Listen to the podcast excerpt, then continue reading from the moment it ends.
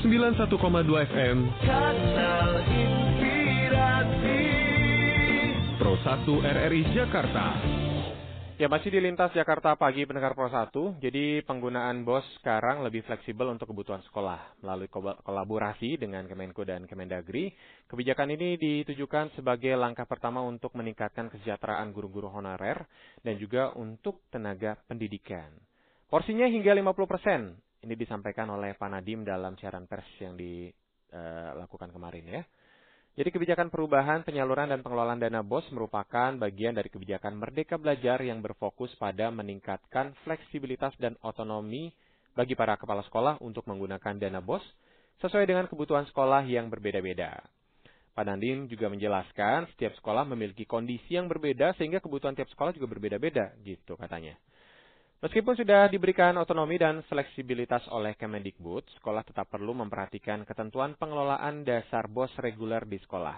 Nah, berikut ini ketentuan pengelolaan dasar eh, dana BOS reguler seperti dirangkum dari Peraturan Menteri Pendidikan dan Kebudayaan Permendikbud nomor 8 tahun 2020 tentang petunjuk teknis bantuan operasional sekolah reguler.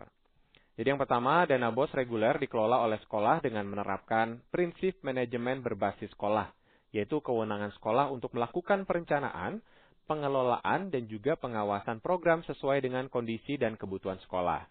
Kemudian perencanaan pengelolaan dana BOS mengacu pada hasil evaluasi diri sekolah. Nah, sekolah memiliki kewenangan untuk menentukan penggunaan dana BOS reguler sesuai dengan prioritas kebutuhan sekolah memperhatikan prinsip-prinsip pengelolaan dana BOS reguler.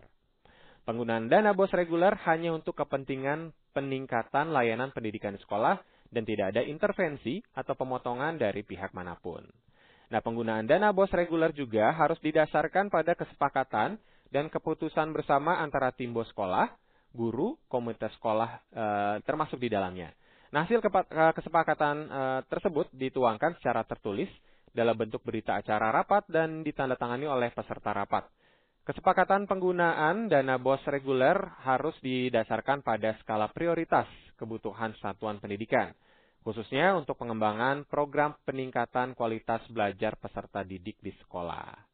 Kemudian, pengelolaan dana BOS reguler di sekolah dilakukan oleh tim BOS sekolah, di mana tim BOS sekolah ini ditetapkan oleh kepala sekolah dengan susunan keanggotaan sebagai berikut. Yang pertama, ada kepala sekolah sebagai penanggung jawab. Kemudian, oke, kita sudah tersambung, kita akan bahas lagi nanti mengenai uh, apa namanya peraturan Menteri Pendidikan dan Kebudayaan ya yang petunjuk teknis penggunaan operasional reguler sekolah. Namun sebelumnya kita akan wawancara dulu dengan Kepala Biro Komunikasi dan Layanan Masyarakat Kementerian Pendidikan dan Kebudayaan Jakarta, Bapak Ade Erlangga Masdiana. Selamat pagi Pak Ade. Selamat pagi. Ya, Pak Ade, Kementerian Keuangan dan Kementerian Pendidikan Kebudayaan melakukan beberapa uh, perubahan ya kebijakan penyaluran dana BOS mulai tahun 2020. Mohon dijelaskan Pak mengenai hal ini. Apa yang menjadi latar belakang sekaligus target kebijakan tersebut, Pak? Ya, selama ini kan begini, ya ada ada ada banyak kendala-kendala di dalam penyaluran dana BOS. Ya.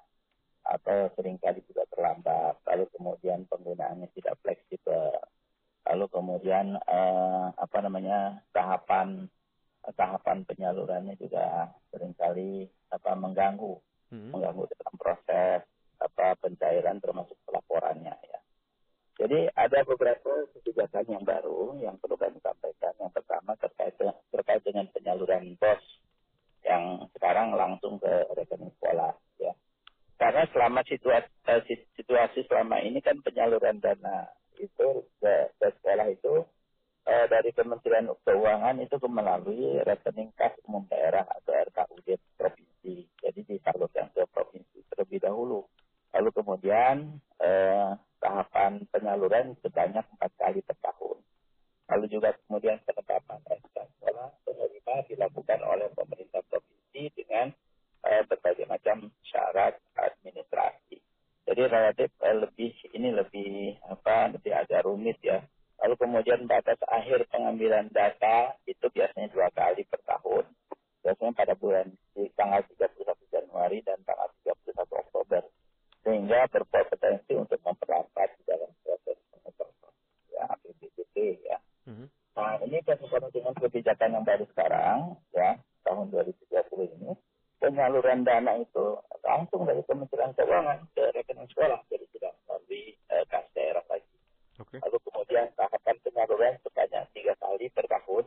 Ya, jadi kalau selama ini penyaluran empat kali, sekarang uh, tiga kali uh, per tahun. Lalu kemudian penetapan sekolah penerima dilakukan oleh Kementerian uh, oleh Kemendikbud dengan verifikasi data oleh pemerintah provinsi dan kabupaten. Lalu kemudian batas akhir pengambilan data satu kali per tahun, yaitu pada tanggal 31 Agustus untuk mencegah keterlambatan pengesahan APBDP. Nah, itu eh, kebijakan yang pertama yang terkait soal eh, penyaluran eh, dana langsung dari eh, dari Kementerian Keuangan, jadi tidak melalui kas daerah lagi. Ya. Lalu kemudian dana pos juga sekarang relatif lebih fleksibel kalau digunakan untuk sekolah. Jadi kalau selama ini eh, pembayaran guru honorer yang sekarang menjadi kendala ya di daerah-daerah ada yang eh, guru honorer cuma dibayar tiga ratus ribu atau ada yang kemudian dua ratus ribu dan lain sebagainya. Yang itu eh, kurang. Eh, kenapa bisa terjadi seperti itu? Karena memang keterbatasan dana yang ada di sekolah. Lalu kemudian kalau sekarang ya eh, relatif eh, itu bisa lebih fleksibel kalau selama ini barangkali mungkin dana bos itu eh, untuk guru honorer itu maksimal 15 persen kalau untuk sekolah negeri. Dulu ya Pak ya? Ya, kalau untuk swasta eh, 30 persen ya dari total dana bos. Lalu kemudian yang selama ini dapat diberikan kepada eh, memang dapat diberikan kepada tenaga kependidikan. Pembelian buku juga selama ini dibatasi maksimal hanya 20 persen pembelian alat uh, multimedia juga ditentukan oleh kuantitas dan kualitas yang yang ada. Tapi untuk perubahan yang sangat signifikan yang sekarang ini, dana pos itu maksimal bisa dipakai untuk bayar guru honorer 50 persen. Tapi maksimal ya, maksimal 50 persen. Oke. Itu tapi memang harus ada ada hal yang untuk bisa membuktikan bahwa uh, itu dipergunakan secara betul. Yang pertama syaratnya memang guru honorernya dia memiliki NUPTK atau nomor unik ya, pendidik dan tenaga pendidikan. Yang kemudian yang kedua, dia belum memiliki uh, sertifikat ya, pendidik. Lalu kemudian yang ketiga tercatat tidak jadi per 31 Desember tahun 2019, jadi tidak bisa untuk membayar uh, untuk pegawai honorer, uh, guru honorer yang baru. Oh, yang Lalu baru. kemudian dapat ya. Lalu kemudian tidak ada pembatasan alokasi maksimal untuk beli buku. Ya. Jadi kalau untuk beli buku tidak ada alokasi maksimal atau minimal. Ya untuk Oke. pembelian buku dan juga alat multimedia. Itu kebijakan yang kedua. Kebijakan yang ketiga, ya, nilai satuan dana bos sekarang meningkat. Ya, untuk SD, SMP, SMA itu naik ya, menjadi, ya naik 100 ribu. Ya kurang lebih sekitar apa eh, 10 persen lah kira-kira semua untuk SD SMP. Kalau untuk SM, SMK dan apa eh, sekolah khusus itu tetap ya. Lalu kemudian laporan bos yang keempat pelaporan bos diperketat karena ini langsung disalurkan ke sekolah dan memang sekolah juga harus eh, juga memberikan laporan yang yang bagus, yang transparan dan akuntabel. Barangkali mungkin eh, selama ini laporan itu disampaikan secara berjenjang dari sekolah, lalu kemudian ke pemerintah kabupaten atau kota, dan kemudian eh, apa namanya bos eh, provinsi. Lalu kemudian pelaporan penggunaan dana bos oleh sekolah ya sejauh ini hanya mencakup 50 eh, tiga persen. Jadi selama ini memang eh, apa namanya penggunaan dana ya, laporan-laporan itu memang sangat terbatas. Kenapa? Karena memang masih bersifat eh, manual. Ya. Tapi kalau ke depan kita eh, pelaporan itu langsung melalui laman, ya laman ya yaitu laman apa namanya laman bos dan mendikbud.id ya menjadi syarat untuk penyaluran bos yang harus eh, eh, dilaporkan secara secara akuntabel. Jadi memang eh, harus betul-betul akuntabel. Jadi memang pelaporan itu harus betul-betul dilaporkan langsung kepada eh, laman bos Kemendikbud.id. Oke. Lalu sekolah juga harus mempublikasikan penerimaan dan penggunaan dana di papan informasi sekolah. Jadi kalau di mading apa segala macam itu memang harus di diekspos atau diinformasikan supaya juga eh, masyarakat tahu ya ma- apa komite tahu orang tua tahu atau misalnya eh, apa namanya Penggunaannya aparat, ya? ya Terkait dan juga tempat-tempat lain yang diakses oleh oleh masyarakat. Oke. Ya kira-kira empat kebijakan itulah yang eh, yang barangkali mungkin perlu saya ulangi. Yang pertama terkait soal penyaluran dana bos. Hmm. Apa yang berbedanya kalau sekarang penyaluran dana bos langsung dari rekening Kementerian Keuangan langsung ke sekolah. Hmm. Itu intinya. Yang kedua penggunaan dana bos itu relatif lebih fleksibel untuk sekolah. Nah, contohnya seperti apa? Yang paling signifikan itu adalah soal pembayaran eh, untuk yang selama ini hanya 15% untuk apa, guru honorer untuk negeri atau untuk swastanya 30%. Nah, itu dipergunakan untuk apa? 50% bisa digunakan untuk pembayaran guru honorer, tapi syaratnya harus punya NUPTK, tidak punya sertifikasi, ya. Jadi eh, syaratnya seperti itu, ya. Jadi eh, lalu yang kebijakan yang ketiga nilai satuan bos ah, tahun ini meningkat 100 ribu untuk SD, SMP, SMA. Lalu yang keempat laporan eh, bos itu eh, diperketat. Jadi sekarang laporan karena ini juga penggunaannya relatif lebih fleksibel, laporan juga harus harus diperketat. Oke. Jadi itu intinya ada empat kebijakan itu yang terkait dengan dengan kebijakan penyaluran dana bos.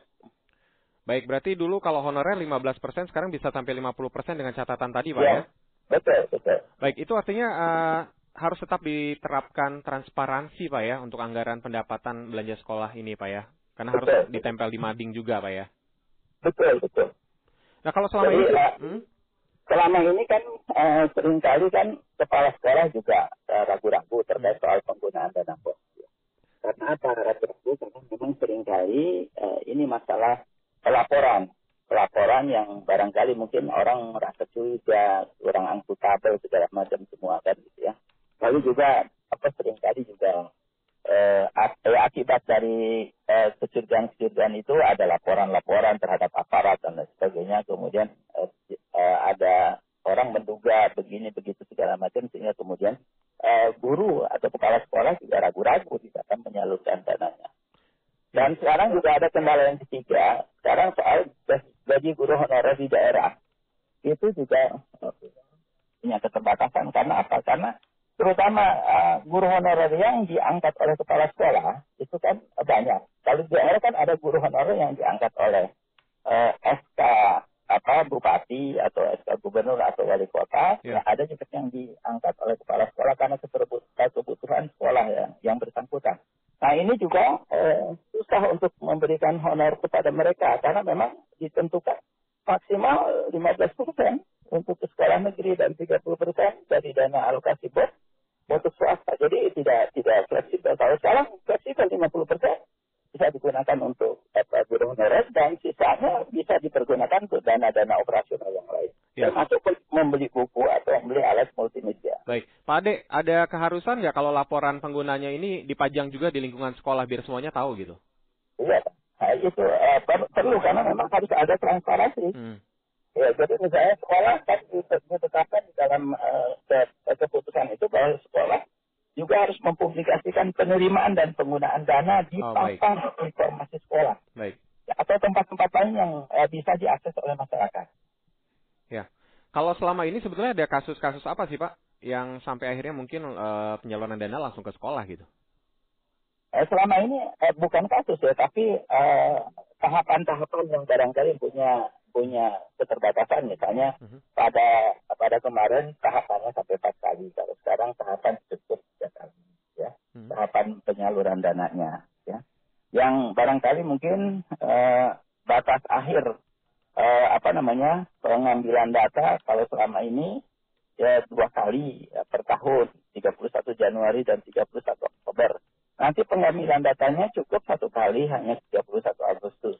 Ya sehingga eh, tidak me, apa memperlambat di dalam proses nanti kalau pengesahan APBDP ya. Jadi karena apa? Karena 31 Agustus masih jauh dari proses eh, APBDP. Jadi eh, itu yang selama ini eh, terjadi karena batas akhir pengambilan data itu yang sering kali eh, terlambat ya. Lalu kemudian pembayaran juga jadi terlambat ya.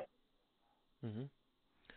Kalau dari Bapak sendiri yang disampaikan, sebetulnya tadi eh, mengisyaratkan semacam prosedur pengadministrasian yang rumit atau merepotkan nggak sih Pak? Khususnya bagi sekolah-sekolah swasta gitu. Ya sebenarnya kan gini, ini masalah uang negara. Uang Ya. negara itu kan memang harus dipertanggungjawabkan secara akuntabel. Walaupun itu berapa rupiah pun kan harus bisa dipertanggungjawabkan. Nah, ka- barangkali mungkin administrasi semacam itu relatif memang kalau sifatnya uh, masih manual ya sering kali juga punya banyak hambatan-hambatan atau kendala-kendala.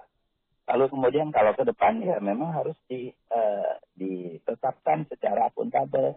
Misalnya gini, kalau beli-beli alat, beli-beli alat juga nanti ke depan kan pakai sistem. Sistem informasi uh, pengadaan barang sekolah. Ya. ya jadi uh, saya kasih jadi nanti beli komputer, beli apa, beli apa ya beli buku, beli um, macam-macam itu bisa menggunakan Cipla. Kan Cipla juga ada di Jepang. Baru di launching pada Agustus eh, tahun 2019. Yang lebih efektif baru sekitar bulan Oktober lah pe, pe, apa pe, apa namanya penggunaannya ya. Jadi itu sekarang dengan Cipla juga bisa memudahkan uh, sekolah untuk melakukan pembelian barang. Jadi beli barang juga uh, marketplace tinggal beli, komputer. Lalu kemudian ada barang yang di situ dan juga bisa meningkatkan uh, ini partisipasi UKM yang ada di sekitarnya. Kalau UKM yang ada di kabupaten atau kota di sekitarnya dia daftar ke marketplace, lalu kemudian barang barang-barang yang ada di toko-toko itu juga bisa uh, langsung bisa dibeli oleh oleh oleh pihak sekolah apa, ya? Oleh pihak sekolah. Ya, Pak Ade, sebenarnya program BOS ini apakah sudah mampu mendorong sekolah meningkatkan akuntabilitas keuangan, Pak? Memang eh, dengan sistem ini kan yang pertama kita menciptakan sistem ini lebih fleksibel, lebih mudah, ya, eh, tidak rumit, ya. Lalu kemudian akuntabilitas pelaporan sebagainya juga lebih akuntabel, lebih transparan. Lalu kemudian pembelian-pembelian barang juga uh, lebih lebih mudah karena ada uh, sistem apa uh, lah ya jadi nggak nggak sulit ya. jadi juga nggak perlu ada ketakutan ketakutan terhadap pemerintah dari pihak. Kalau persoalan yang paling mendasar pak dari program bos ini adalah terkaitnya mungkin besarnya bagaimana agar nilai dan bos uh, secara langsung dapat dikaitkan dengan standar kualitas gitu pak ya kalau standar kualitas itu kan di dalam proses proses pendidikan atau pembelajaran di sekolah mm-hmm memang ini kan uh, dana bos itu kan dipergunakan untuk menunjang uh, proses uh, pendidikan atau proses pembelajaran yang ada di sekolah. Ya, selama ya. Gimana Pak? Ya gitu ya. Ya, kalau pelayanan pendidikan tertentu Pak ada kaitannya nanti dengan uh, apa namanya pemberian bos ini langsung nggak Pak ke sekolah Pak? Pak Ade. Apa? Halo Pak Ade. Ya? Halo? Ya Pak Ade. Halo? Ya. Halo? Pak Ade, terakhir nih Pak, ah, harapannya apa ya. nih Pak? Terkait dengan Halo? bos langsung Pak. Halo? Ya Pak Ade. Halo? Ya halo Pak Ade, masih uh, masih mengudara ya. Pak? Ya. Saya masuk klip soalnya. Oh siap siap. Kami tunggu uh, sebentar Pak ya. Cukup ya. Baik baik Pak Ade. Uh, mungkin sedikit aja Pak, ada harapan terakhir Pak untuk uh, program BOS ini uh, ke depannya? Saya kira cukup ya, karena ini masuk klub ya. Oh, baik-baik. Terima kasih Pak ya. Ade, selamat pagi, ya. selamat beraktivitas kembali. Ya. Baik pendengar, demikian uh, wawancara kami bersama Kepala Biro Komunikasi dan Layanan Masyarakat Kementerian Pendidikan dan Kebudayaan Jakarta, Bapak Ade Erlangga Masdiana. Masih di Lintas Jakarta Pagi dengan isu kami pagi ini, dana bos naik, pencairan langsung ke rekening sekolah. Dan berikutnya kami akan wawancara dengan Kepala Madrasah Sanawiyah Negeri 11 Jakarta Barat, Bapak Muhammad Master Pendidikan, betul? Ya, selamat pagi Pak Muhammad. Iya. Pagi, Pak, saya, pagi. Pak, saya konfirmasi dulu namanya biar benar Pak, Bapak Muhammad uh, Sofyan, benar Pak ya? Betul, betul. Baik. Uh, Pak Muhammad Sofyan, bagaimana tanggapan Bapak nih yang pertama dulu nih terkait kenaikan besaran anggaran dana bos sekitar 6%? Ya, silakan Betul. Pak. Ah, ya. Tahun ini betul uh, anggaran bos dari satu juta tiap bulan yang untuk ke siswa itu jadi satu juta seratus. Uh-huh. Ya ada penambahan seratus ribu untuk satu tahun itu. Ya. Ya tambahannya seratus ribu untuk satu tahun. Uh-huh. Kalau dari bapak uh, sendiri gimana nih dengan penambahan ini? Ya bagus Uh, berarti untuk operasional sekolah ada ada memang memang perlu ada tambahan hmm. karena eh, karena biaya hariannya sudah ah, banyak peningkatan harga gitu ya. Nah, ah, jadi kalau kalau masih di stuck di angka itu ya masih ya kurang pas lah. Eh, tapi eh, saya mau tanya Pak, ini kan langsung ke sekolah sekarang Pak. Kalau dulu prosesnya seperti apa sih Pak kalau untuk Oh enggak, dalam kalau kebetulan kalau kami di madrasah memang dari dulu udah dari ke sekolah. Oh, Pak. langsung ke sekolah. Iya, karena kita makan bo- bos itu melalu, ma- langsung masuk ke dipa sekolah, Pak. Oh, gitu. Eh, Iya. berarti eh, bisa langsung diterima dan digunakan gitu sama pihak sekolah. Iya, betul, betul. Kalau untuk bentuk Ah, laporannya siap. sendiri Pak? Eh, laporannya sendiri sesuai dengan laporan DIPA, Pak. Hmm. Eh, lapor sesuai dengan laporan DIPA melalui melalui mekanisme eh, apa APBN, Pak. Oke. Iya. Untuk penyaluran dananya sendiri seperti apa nih Pak? Penyaluran dananya kan sesuai dengan juknis bosnya sendiri, Hmm.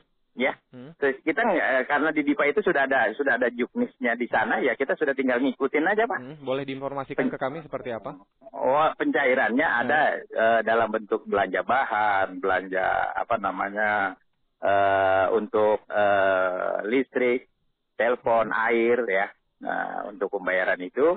Kemudian ada juga eh, ya untuk apa namanya perbaikan seperti perbaikan-perbaikan ringan, Hmm. belanja buku, belanja buku, eh, apa namanya materi untuk siswa.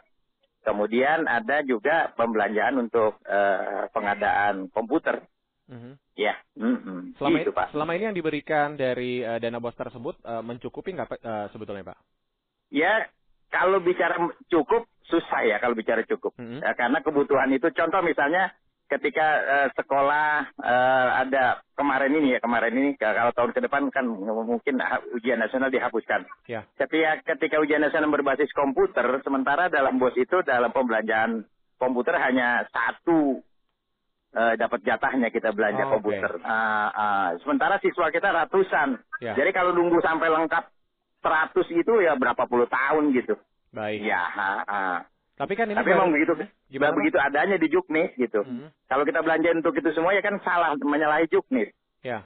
Penyelewengan anggaran namanya. Tapi paling nggak terbantu lah Pak ya dengan ini kan baru masuk di 2005 ya Pak ya. Iya. Sampai dengan sekarang paling nggak ter- ada ada bantuan yang masih paling nggak Iya, bisa tapi diterima tapi ya. ketika gini Pak, tapi ketika kita beli apa, komputer spek yang 2005 dengan Hmm. spek yang sekarang kan berbeda. Ya. Ya, yang spek 2005 harus kita upgrade lagi, udah nggak bisa kepake lagi. Mhm. Jadi ya ada bantuan ya, cuman sekedar ada itu kalau gitu. Hmm. Ah, ah, Nah, bisa untuk- dimanfaatkan untuk masa itu bisa dimanfaatkan. Mhm. Ah, untuk masa itu bisa dimanfaatkan. Tapi untuk masa 10 tahun kan yang namanya alat-alat ele- elektronik berkembangannya luar biasa. Dari Pentium 1, dari sebelum Pentium, Pentium 1, 2, 3, sampai Pentium Ya. 7 misalnya gitu kan. Iya. Ah, Selain dan itu, itu punya, kalau selain itu ada lagi nggak Pak masalah yang terkait dana bos selama ini? masalah yang terkait dana bos selama ini untuk di DKI Hmm. eh, kan ada eh, persentase untuk pembayaran honor tenaga pendidikan dan eh, apa Iya. guru dan tenaga pendidikan. Ya. Nah, tapi alhamdulillah di DKI mulai tahun 2017 ada eh 2018 ya kalau nggak salah Hmm. itu ada eh, bantuan hibah dari pemprov DKI terkait dengan eh, honor eh, yang namanya uh, upah minimum provinsi. Oke. Jadi dana itu kita manfaatkan untuk kegiatan yang lain gitu. Berapa? Nah, yang tadinya tadinya honornya 20 persen pak, Mm-mm, 20 persen. Oke. 20 persen. Ya kalau kalau tenaga honornya cuma dua orang 20 persen lumayan pak. Kalau di Tapi Madrasah Sanawiyah berapa Pak? Kebetulan kami honornya di Madrasah Sanawiyah itu eh untuk yang terakhir ini cuma tinggal tiga orang. Oke. Mm-mm. Nah, tadi eh, sebetulnya disebutkan sama eh, kami juga ngobrol tadi sama Kepala Biro Komunikasi dan Layanan Masyarakat Kemen Kemendikbud ya Pak ya. Itu juga disampaikan kalau untuk honorer bisa sampai 50% dengan beberapa catatan sih. Ada kemungkinan Nah. mungkin akan digunakan ke arah sana Pak? Oh, kalau yang sekarang ka- untuk kami di madrasah karena memang sudah dapat eh, sementara ya sementara dari pemprov DKI ada bantuan dana hibah UMP itu, maka untuk honor itu nggak digunakan pak. Hmm. Jadi kita arahkan untuk yang lain pak, untuk untuk eh, kegiatan-kegiatan operasional yang lain. Oh, baik. Iya, tetapi nanti kalau pemprov DKI karena namanya namanya itu hibah, Ya. suatu waktu bisa dihentikan ya Hmm. kita akan gunakan kembali pak. Oh, baik. Jadi selama Oh. ini untuk bosnya tidak masuk ke honorer dulu ya? Ke, untuk setelah apa sejak tahun 2017 kali ya. 17. Oke. Ah, 2017 iya. Mm-mm. Pak, ini kan kalau di Madrasah Sanawiyah Negeri 11 Jakarta Barat ini langsung ya untuk pemberian dananya. Ini Hmm. selama ini tidak ada penyimpangan gitu Pak dalam penggunaannya Pak? Mau menyimpang dari mana orang sudah di di plot di di paknya sudah ada poin-poinnya. Berarti ada transparansi di sana ya Pak ya? Oh iya iya, Mhm. pembayaran listrik apa telepon air kan udah ada ininya, ada re- rekeningnya, udah ada apanya gitu ya. Mhm, Belanja buku ada sesuai dengan eh, harga bukunya. mhm. Iya, mau menyimpang dari mana ada kecuali diberikan secara gelondongan, nggak ada nggak ada ketentuannya. Kalau Ya. di DIPA itu kan terbaca pak, untuk belanja bahan A, B, C, D-nya sudah ke- jelas. Mhm. Untuk beli buku-nya udah jelas. Ya. Bahkan kalau di situ dibeli bukunya masih menggunakan buku elektronik pak, yang 25 ribu satu buku. Padahal kalau kita belanjain di eh, apa namanya di penerbit itu harga bukunya udah di atas 60 ribu, 50 ribu pak. Oh udah jauh ya? Ah, Oh jauh untuk beli bukunya makanya di madrasah itu kadang diakali pada dana itu dibelanjakan buku Mhm. dalam satu tahun paling maksimal untuk satu mata pelajaran itu sekitar 40 buku pak. Oke. Iya kalau kita belanjain semua satu judul cuma satu mata pelajaran satu kelas. Baik. Nah kalau untuk Hmm. laporannya sendiri Pak, kalau tadi kan disampaikan juga eh, sebelum kami wawancara itu ada transparansi yang memang dicantumkan di semacam mungkin mading atau pengumuman sekolah bahwa ini loh Oh ya dananya dapat segini, terus penggunanya ini aja. Kalau di Sanawiyah Negeri 11 Ah. ada pak. Ada kita nggak dengan dengan komite pak. Hmm. Ah, dengan komite kita kita paparkan. Ya, ah. Hmm. Eh, eh, cuman belum kalau kalau ditempel apa apa dibuat banner gitu belum belum kita coba. Di mading gitu Ya. belum ya Pak ya? Iya, kalau di Mading pernah kita tempel, Pak. Oke. Ah, ah. eh Pak kalau ke depannya nih Pak, harapannya apa nih Pak? Harapannya ya mudah-mudahan negara nggak bangkrut, dananya bisa tetap ada gitu. Dan naik Nah, terus ya Pak ya? Iya, mudah iya kalau kalau negaranya bangkrut kan susah juga kita. Ah. Ah, Nah ah, kira-kira ya. kalau ke depannya untuk menghindari komplikasi apa nih Pak? eh ya apa namanya? Komplikasi yang dimaksud apa nih?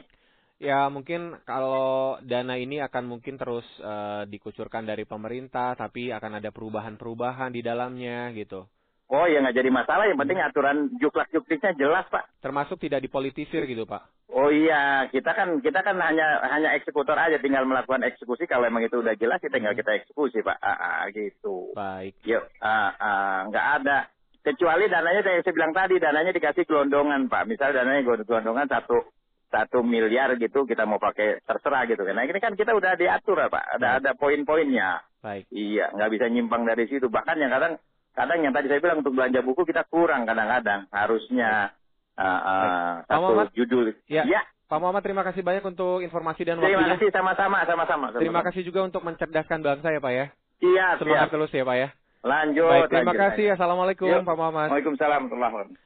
Ya, mendengar demikian tadi wawancara kami dengan Kepala Madrasah Sanawiyah Negeri 11 Jakarta Barat, Bapak Muhammad Sofian. Ah, Sofian maksud kami, Master Pendidikan.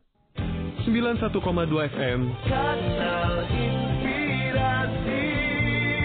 Pro 1 RRI Jakarta. Kembali lagi di Lintas Jakarta Pagi pendengar Pro 1 dan juga pendengar yang ada di Labuan Banten dan Kepulauan Seribu di FM 88,8 MHz. Kita masih dengan topik yang sama, dana bos naik, pencairan langsung ke rekening sekolah. Sebetulnya kalau tadi disampaikan ada sekitar 50% dana bos yang bisa digunakan untuk honorer, ternyata ini menuai eh, apa beragam reaksi sekolah. Jadi sejumlah sekolah merespon mengenai terbitnya peraturan Mendikbud di mana eh, mengatur tentang perubahan batas serapan dana bos untuk gaji guru honorer.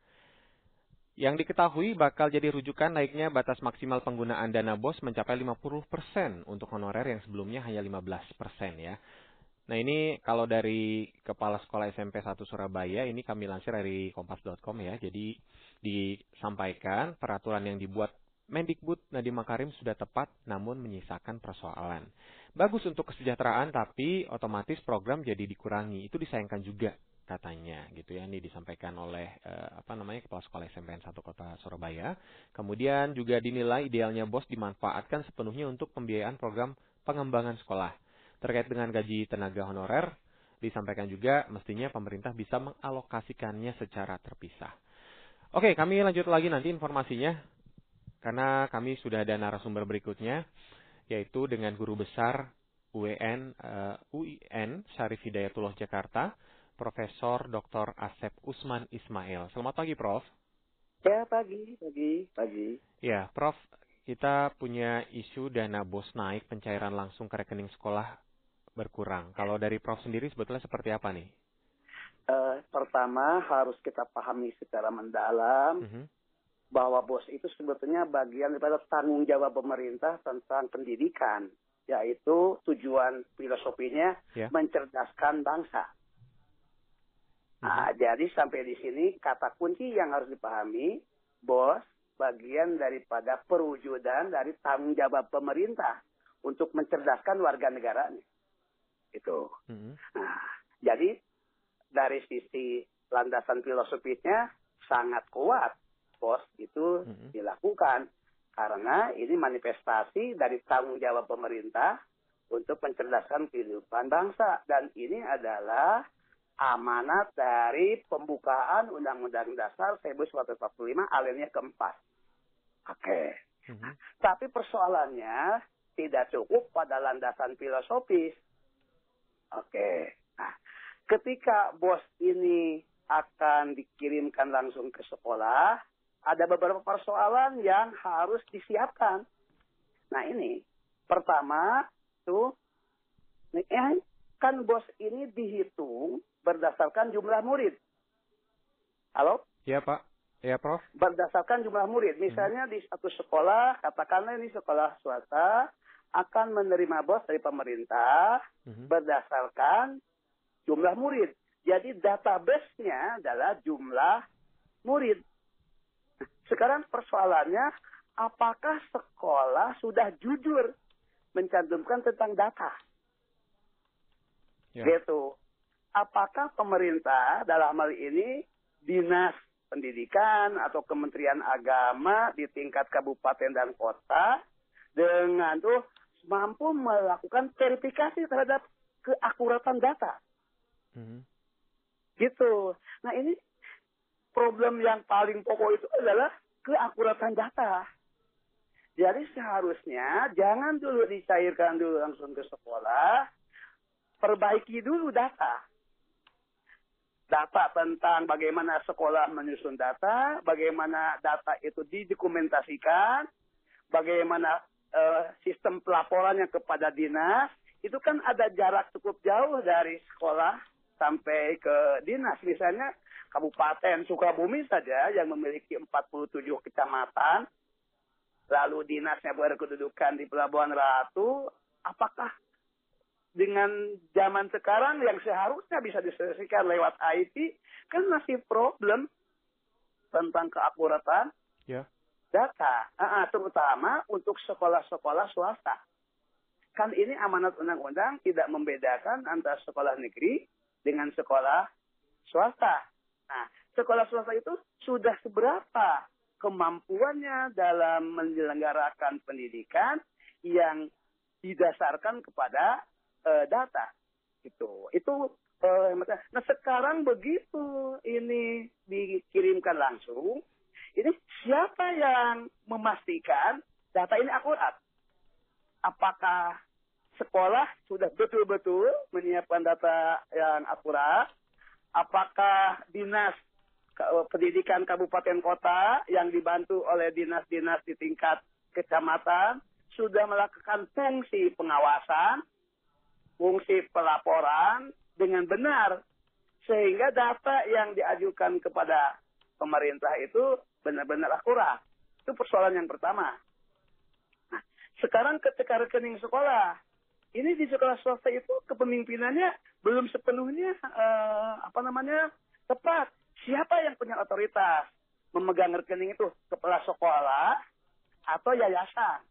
Karena sekolah-sekolah swasta itu jumlahnya banyak, itu umumnya di, di, di bawah yayasan. Ada yang di bawah yayasan, ada yang di ormas tertentu seperti sekolah-sekolah Muhammadiyah di bawah ormas itu Mhm. jauh lebih rapi administrasinya. Nah kan yayasan-yayasan yang di kampung-kampung itu pertama keakuratan yayasannya, keakuratan pengurusnya, benar nggak pengurusnya itu ada di situ dan bekerja untuk pendidikan. Lalu siapa yang punya eh, memegang rekening itu kepala sekolah atau yayasan atau mengatasnamakan kepala sekolah tapi sebetulnya bukan. ini eh, persoalan-persoalan di lapangan. Seharusnya jangan dulu dialirkan secara langsung, benahi dulu dari sisi keakuratan data, dari keakuratan tentang kelembagaan sekolah-sekolah yayasan, kemudian tentang sistem, terutama sistem pelaporan. Kalau ini sudah selesai, tidak boleh gegabah pemerintah menyalurkan dana. Jadi niat baik pemerintah untuk pemberdayaan sekolah itu itu belum tentu terlaksana dengan baik apabila apa eh, data-data belum akurat, sistem eh, kelembagaan belum memadai, kemudian SDM pengelola penyelenggara sekolah itu belum baik. Kan di sekolah itu ada guru, tenaga pendidik, ada tenaga kependidikan, Mhm. tapi juga ada yayasan sebagai eh, institusi eh, lembaga sosial yang menyelenggarakan pendidikan. Saya kira itu catatan saya dari eh, sisi sisi sisi apa namanya empirisnya. Ya, kalau selama ini kan sebenarnya sudah berjalan sejak 2005 nih Prof nih. Nah, yang paling kurang dari semua apa kekurangan di dalamnya ada apa tuh tadi eh, eh, apa data yang kurang akurat. Ini mana yang sebetulnya yang paling menonjol dari yang harus dibenahi? Ya saya kira persoalan tentang kelembagaan sekolah-sekolah swasta, terutama yang di bawah yayasan-yayasan, kemudian keakuratan data, sistem pelaporan, pengawasan dari pihak eh, dinas. Dinas itu kan berkedudukan di kabupaten atau kota, terutama eh, terutama kabupaten-kabupaten yang wilayahnya luas. Ya. Nah ini perpanjangannya ada di dinas kecamatan. Tuh, ini untuk sekolah-sekolah di bawah Kementerian Pendidikan dan Kebudayaan. Ya. Belum lagi sekolah di bawah Kementerian Agama. Mhm. Nah, ini eh, tuh sekolah-sekolah Kementerian Agama. Di sekolah agama itu kan punya sekolah mulai dari tingkat Raudatul Atfal, Madrasah Ibtidaiyah, Madrasah Nawiyah, Madrasah Aliyah. Nah, ini kan dikelola oleh masyarakat lewat yayasan-yayasan di bagian besar. Mhm. Hanya sedikit yang dikelola oleh pemerintah menjadi sekolah negeri, kan gitu. Mhm. Ah, ah, itu. Ter- transparansi peng- eh, pelaporannya sendiri seperti apa, eh, Prof?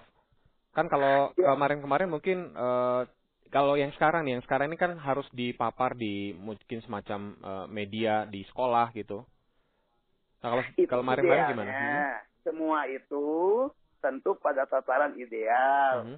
Persoalannya misalnya apakah dinas-dinas ini sudah menjangkau seluruh eh, sekolah-sekolah yang ada di kabupatennya. Kabupaten-kabupaten di Jawa Barat misalnya sangat luas. Misalnya Kabupaten Sukabumi itu 47 kecamatan. Kabupaten Tasikmalaya itu sampai 39 kecamatan yang sangat luas. Berbeda dengan kabupaten-kabupaten di Jawa Tengah dan Jawa Timur yang jumlah kecamatannya mungkin tidak sampai 20 kecamatan untuk setiap kabupaten. Mhm. Ini Jawa Barat terutama, saya orang Jawa Barat. Jadi data Jawa Barat itu subhanallah, terutama Sukabumi yang termasuk kabupaten terluas di Jawa dan Bali, 47 kecamatan. Nah ini apa betul dinas-dinas itu sudah me- eh, melaksanakan sebagaimana yang sering dilaporkan secara, secara normatif. Mungkin untuk sekolah negeri boleh jadi ya dengan berbaik sangka sudah eh, tercapai batas tertentu. Tapi bagaimana dengan sekolah-sekolah swasta terutama yang di bawah Kementerian Agama? Ya. Itu. Variabelnya sangat rumit di daerah itu sekolah-sekolah Kementerian Agama itu. Dan karena budaya modernisasinya eh, belum seperti budaya modernisasi di sekolah di bawah Kementerian Pendidikan dan Kebudayaan itu diakui secara jujur. Mhm. Ya, Prof, mengingat anggaran dana bos ini kan sensitif ya sifatnya. Lantas Iya. bagaimana nih agar eh, ini tanda tanda kutip nih sekolah gratis tidak dimanfaatkan secara politis gitu, Dok? Eh, Prof. Ya kalau itu persoalannya, Mhm. hemat saya ada nggak dua hal. Ada niat baik, mungkin sudah ada, tapi didukung oleh kesungguhan profesionalisme dalam manajemen. Dari sini, kalau tingkat kabupaten dan kota yang soroti, itu kan wewenangnya di tangan Pemda. Ya. Jadi otoritasnya ada di tangan eh, kepala daerah. Nah kalau kepala daerahnya kemudian berkepentingan untuk mendapatkan dukungan eh, periode kedua, wah ini bos ini menjadi arena empuk untuk promosi, untuk menarik massa. Ya.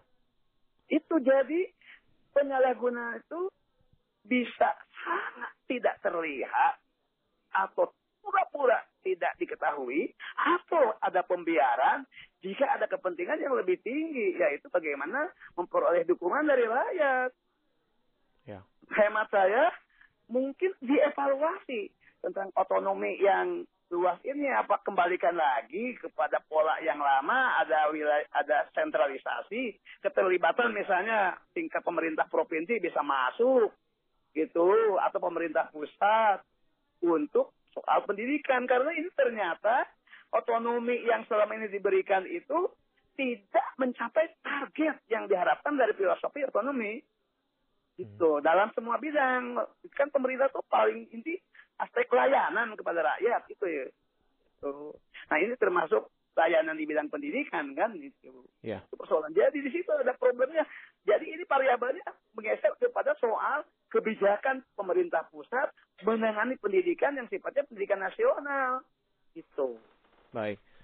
Prof, ini menarik sekali uh, informasinya dan sepertinya banyak sekali manfaatnya yang bisa kita ambil, Prof. Uh, Ya, semoga semoga. ke depannya lebih baik lagi, Prof ya, untuk Ya, ya. uh, apa bos ini ya. Terima kasih banyak untuk waktu dan informasinya, Prof. Sama-sama, sama-sama. Ya, selamat pagi, Prof. Assalamualaikum. Pagi. Ayo, Waalaikumsalam. Ya, pendengar demikian wawancara kami bersama Guru Besar UIN Sarif Hidayatullah Jakarta, Profesor Dr. Asep Usman Ismail. Kanal Inspirasi 91,2 FM Pro 1 RRI Jakarta.